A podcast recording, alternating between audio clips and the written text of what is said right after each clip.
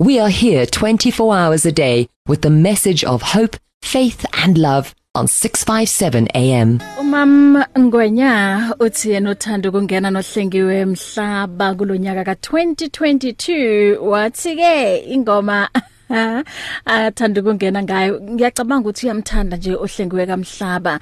Yabona nje uma ukahlala naye umoya ongcwele wahamba naye wamvumela ukuthi akuguide eh, futhi akufundise kulonyaka 2022 ngeke uyisole mzalwane. Uthi sithandwa sam umoya ongcwele. Ene engikuthandayo ngaye ukuthi he's always there to comfort us. He's always there ukuthi asinikeze uthando lapho ke bas disappointer lapho abantu banga ba, ba uh, umuntu akhuluma into ethize namhlanje kodwa kusasa ashintsha kusase yilokho. Ngithi lapho ke siba disappointed khona awuthola ukuthi kunezinto oyilindele bese awuyitholi umoya ongcwela ke khonjalo. Ingakho ngithi hlala naye hlala duzane naye ngazo zonke ikhathi uyohlala uthokozile. Ya uh, 29 after 2 o'clock. Siyabonga kakhulu. Eh omunye uthumele la umyalezo uthi good afternoon family. Ngicela ningidlalele Cloud of the last days ingoma ethi mkhulu ngakithi and uh, amen bas by spiritual singers. Mamvuyelwa ngizokwenza njalo ne? Kodwa ngizoqala la ngokuthi ngizothatha imiyalezo and then emveni kwale myalezo engizoyithatha la bese ngiyayidlala ezinye zeingoma zakho. After umyalezo wesi2 futhi sengiyayidlala elandelayo ingoma ye yokuqala ithini mkhulu ongakithi and then um it lord of the last days bese ke kulandela lapha spiritual uh, singers bethi Amen. Siyabonga kakhulu ngibonge naku Mam uh, Maria Ngwenya. Ithi ngindlule ngala uma ngibuya ke sizobe sithola umyalezo oqala ophuma lapha kumfundisi uGift Sonom. You can now buy your favorite programs and series of the past 38 years on eCompanion, Radio Pulpit's own online shop. Revisit programs by beloved presenters like Justice Chungu, Cecile Burger, Esti Geldenhuys, and Pastor Aaron Jelle. Books and CDs from various authors and artists, as well as Radio Pulpit t-shirts, caps, and other branded products will also be available on eCompanion, your one-stop soul food shop. Visit radiopulpit.co.za and click on shop. T's and C's apply. Ngibingelela abazalwane egameni elihle lomfowethu Jesu Kristu. Eh singena ku the new season the year 2022. Ngicela ukuthi singene nali izwi elitholakala ku Hebrews 11 verse 31. By faith the harlot Rahab perished not with them that believed not when she had received the spies with peace. Ngicela ukuthi namhlanje bazalwane sifunde from this phenomenon ku Rahab. Rahab sibona nango uphakanyiswa uNkulunkulu orayizwa uNkulunkulu ukuthi amsebenzise as a, door or a portal yokuthi uNkulunkulu akhona ukuthi asindise ama spies awu2 athunyelwe uJoshua and into sifundayo la ukuthi these two spies bafihlwa erufini bafihlwa uRahab. And lapho kula sifunda khona indaba ye divine protection ukuthi uNkulunkulu already went ahead of these two spies. Wafika uNkulunkulu waphakamisa uRahab whom uNkulunkulu is using as a door and as a vessel for a protection that these two spies. With Joshua 2 that go verse number 6 and in the same way ngiyacabanga ukuthi uNkulunkulu is setting you up and then i protection a divine protection for 2022 as much as singazi ukuthi sohlangabezana nani kunani phambi kwethu kepha uNkulunkulu has gone ahead of us. So we pray ukuthi indeed i protection maybe phezu kwethu.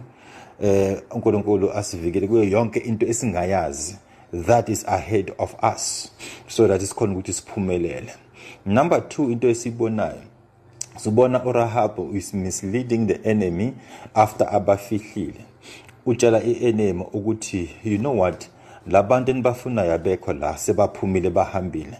They were misled. So uNkulunkulu is going to prepare a person ozokhona ukuthi akuvikele akunikeze ifavor so uNkulunkulu gave them a favor kuRahab ukuthi aba protected no matter what. Because these people because speaking abantu bakhe these were people who were coming to destroy Jericho. But Rahab was now a phenomenon a door yokuthi kube ifavor yakaNkuluNkulu ibe released through her. And i believe ukuthi uNkulunkulu is setting up people so that ube ne favor ungene kule season with a favor yakaNkuluNkulu.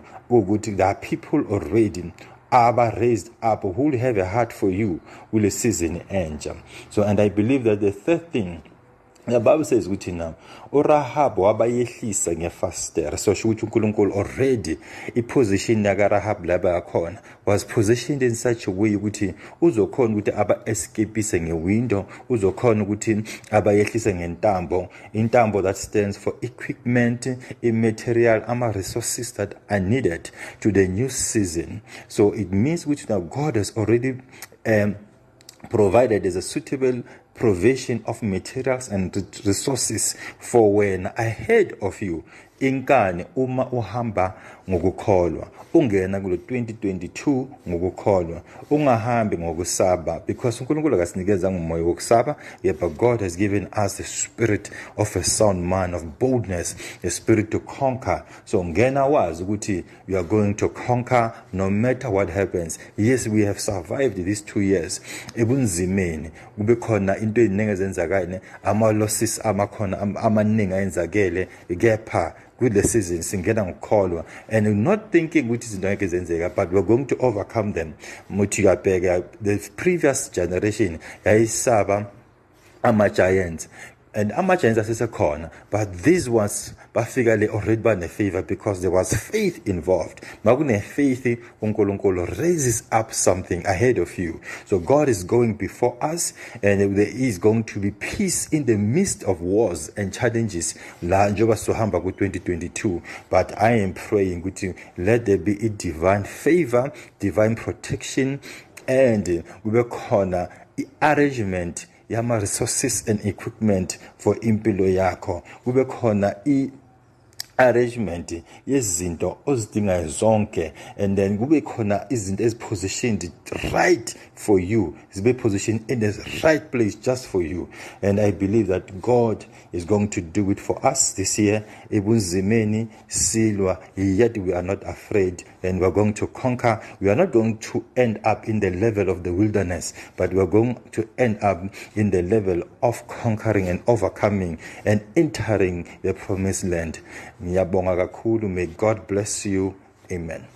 Feel the pulse of the real life on 657 AM. It's here. Radio Pulpit's new website is live. You can tune in at radiopulpit.co.za and enjoy crystal clear sound with just a click of a button or listen to our podcasts. Discover biblical truths in our daily devotionals and let our stories of hope inspire you. You can download our app on this new look, easy to use platform. Find your favorite program, get to know our presenters, and so much more at radiopulpit.co.za. Radio Pulpit, your daily companion. Hawu, umfundisi la besimtholile angazi kwenzakalani. Ah, kuvele kwathuleka nje. I don't know what really happened. Ngiyaxolisa ngalokho.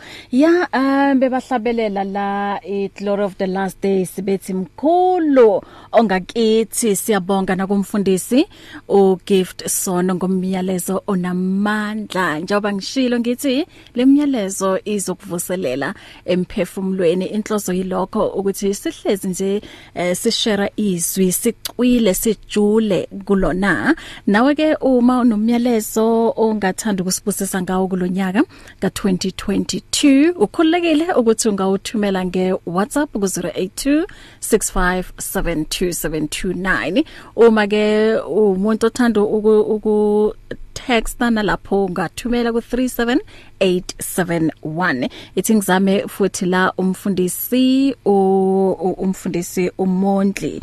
Ya Dlamini sizo ukuthi umyalezo wakhe ka2022 uthini? Hey ngiyabonga kukhala imambo uthi nginawe nkosazana. Ngiyabingelela bazalwane ntambama egameni likajesu kristu. Eh ngicela ukusherisha nje le verse elifushane Matthew chapter 6 verse 33 but seek first his kingdom. Eh kugcwele nje enhlizweni yami ukuthi eh, as we approach the new season eh ke check ama priorities wethu ukuthi ami kanjani? Ami kanjani? Eh uma ungabuka nje eh empilweni yakho eh ukuthi isikhathi sakho esiningi usichitha kuphi? Lonto iyokukhombisa ukuthi where your priorities lie so ziningi izinto esizifunayo eh nesiyidingayo ezinye zama resolutions eh some are career goals there are many ideas that we we chasing but the Bible is clear uh, in terms of our priorities, how they should look like. It says, Seek first the kingdom of God. It is my prayer, Bazalwane, and hope would uh, come into 22, uh, will be able to seek God first and, and, and put God in his rightful place eh singambeki uJesu in the back seat while we pursue our career goals while we pursue our studies while we pursue our businesses eh singambeki uJesu ngemuva in the back seat. Eh la nje uchitha khona isikhathi sakho esiningi. Maybe the question you should be asking ourselves where does Jesus fit in in your program in your plan in your time? Do you create time for Jesus? Bazalwane izinto eziningi esiyithandayo siyasenza isikhathi sazo. So noJesu uma simthanda eh ngenhliziyo yethu yonke sizosenza isikhathi sokuthi eh abe seqhulwini abe phambili ezintweni zonke sizifunayo nesizenzayo. So eh, in proverbs the bible says mazise yena ezindleleni zakho zonke. So e-, ekumaziseni kwethu uNkulunkulu akuzugcina ngomlomo but kufanele kubonakale nangezenzo ukuthi siyamazisa uNkulunkulu. We seek him in prayer we seek him in fellowship. We make time to serve the purpose of God in our lives. Eh uthi uJohn umbhapatisi uthi umuntu angemukele lutho engaliphiwanga livele esulwini so in our business ekubeni busy kwethu in our schedules bazalwane I, I would like us to understand ukuthi yes indeed umuntu angemukele lutho engaliphiwanga livela enkosini. I-success engenayo ujesu bazalwane is a vacuum is in vain. It's like building a sand castle. So i'm pleading with you ukuthi noma sibhizi but come 2022 ake simprioritize uNkulunkulu ukukhonza uNkulunkulu kumseva eh in the spirit enokuhlanganyela nabazalwane in the physical. Eh sikhonza uNkulunkulu. Eh let's put that in our program. Let us be intentional about doing that. Eh kungabi into e casual you know uthi ubaba uDr. Miles Monroe uthi casual friends uh, deserves casual time. So uma uJesu eh simfaka ekhoneni of the casual friends and the casual time kusho ukuthi asikubone ukubaleka kwakhe. Ezimpilweni zethu. I'm just uh, making this video call just to encourage you uh, just to, to challenge you just to uh, provoke your way of thinking. Uh, maybe just uh, you need to look, go back and relook at your priorities, relook at your plans, and ask yourself ukuthi uJesu ufitha kuphi. Bazalwane zonke izinto eh, ziqala kwelika moya before zimanifeste in the physical. Zonke izinto ziqala kwelika moya before zimanifeste in the physical. So if your spiritual world is weak, your life is weak indeed. your life is weak indeed. Yes, it might look glamorous. It might look it, it might look uh, uh, uh, perfect, and so forth and so forth and so on. but there comes a time of the testing eh uJesu uze enze example eh ngabantu abawu2 abakha izindlu. Lithi bible omunye wakha e, e, e, edwaleni omunye wakha ehlabathini. Then kwafika isikhathi sezivunguvungu. Indlu yayimile ehlabathini yashayeka phansi so awufuna ukuthi uthi sowulapha yaphezulu bese uthola ukuthi i-foundation yakho is built on the sand ayikho stable. So ziqala kwelekamoya izinto bazalwane before zimanifeste in the physical. So if you want to fight to win uh, you want to excel my challenge is to you uh, relook your spiritual life. Invest more time in your spiritual life. When you're investing in your spiritual life you are creating a capacity to do more. Uthe ujesu uma nikholwa. You shall do greater things that are greater than what jesus has done. Uma nikholwa. Uthi uma ukukholwa kwenu bengangenhlavu yesinaphi beniya ukuthi kule ntaba suka unqukuleke uyophoseka olwandle. So izinto ziqala kweleka moya iqala kweleka moya eh zi-establishwe khona bese before zize in the physical world. Esikubonayo bazalwane kuvela ezintweni ezingabonwa. So my challenge to you uh, this evening and my plea to you is that seek first the kingdom of god. Make that your first priority. Uh, userve uNkulunkulu umfuna uNkulunkulu uh, sengathi uyahlanya. And the bible is clear. It says there is a reward in seeking god because jesus is a rewarder of those who diligently seek him. And the mere fact that sometimes we're lazy uh, to seek, it means we are missing out in some of the rewards that are hidden in the seeking. There is a reward in the seeking. asimfuneni uNkulunkulu bazalwane eh simazise endleleni zethu zonke uthi uDavide njengedluzele yomela amanzi eh uthi unjalo umphefumulo wami ukulambela uJehova so i'm challenging you bazalwane uh, tonight that uh, uh, provoke your hunger. Stir up your hunger for god. Stir up your seeking. Uh, umfuna uNkulunkulu umfune kusithekeni and, and and when we read the scripture that we just read tonight it says all these things all these things i'm talking about jobs. I'm talking about education. I'm talking about the things that we so love. Then those things zihlanganiswe eh kwigroup eyodwa. Ethi all these things shall be added unto you. So there are things that are for the enrichment but there are things that are core to your spiritual life that are core to your survival. I saw hope and wish and pray that we get our priorities right come 2022 bazalwane. And one of the main priorities ile ukuthi impilo yethu yakomoya ibe strong impilo yethu yakomoya ibe strong. Eh uthi uthi uJohn that uJohn wesithathu eh iverse 2 wakhona uthi sithandwa ngikufisela ukuthi eh ube nempumelelo eh uphile eh ube nempumelelo njengalokhu umphefumulo wakho ustrong. Just as you are strong in the spirit. Let us cultivate, Bazalwane, our spiritual muscle and be intentional about it. Let's not be casual.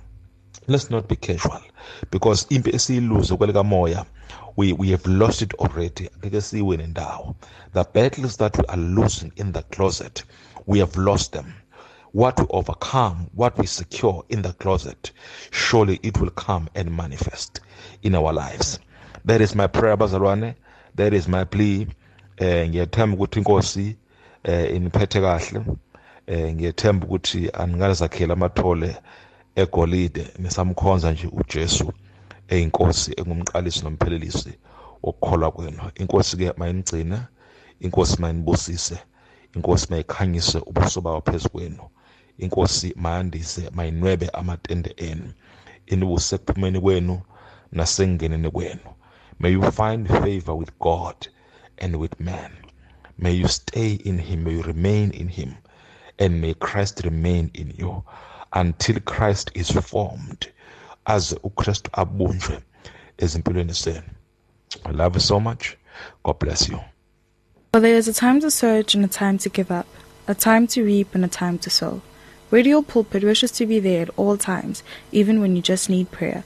Send us your prayer requests by calling 067 429 7564 or email it to prayer at radiopulpit.co.za. Come and ask your questions, share your concerns, experiencing life on 657 AM. I greet all the beloved and awesome listeners of Radio Pulpit. Uh, my name is Meteboho Mukwena. And what better way to begin the new year than to thank the Lord for all the wonderful things that He has done so far, for preserving us, for healing us, for uh, His provision, and for His marvelous presence in our lives. We are truly thankful.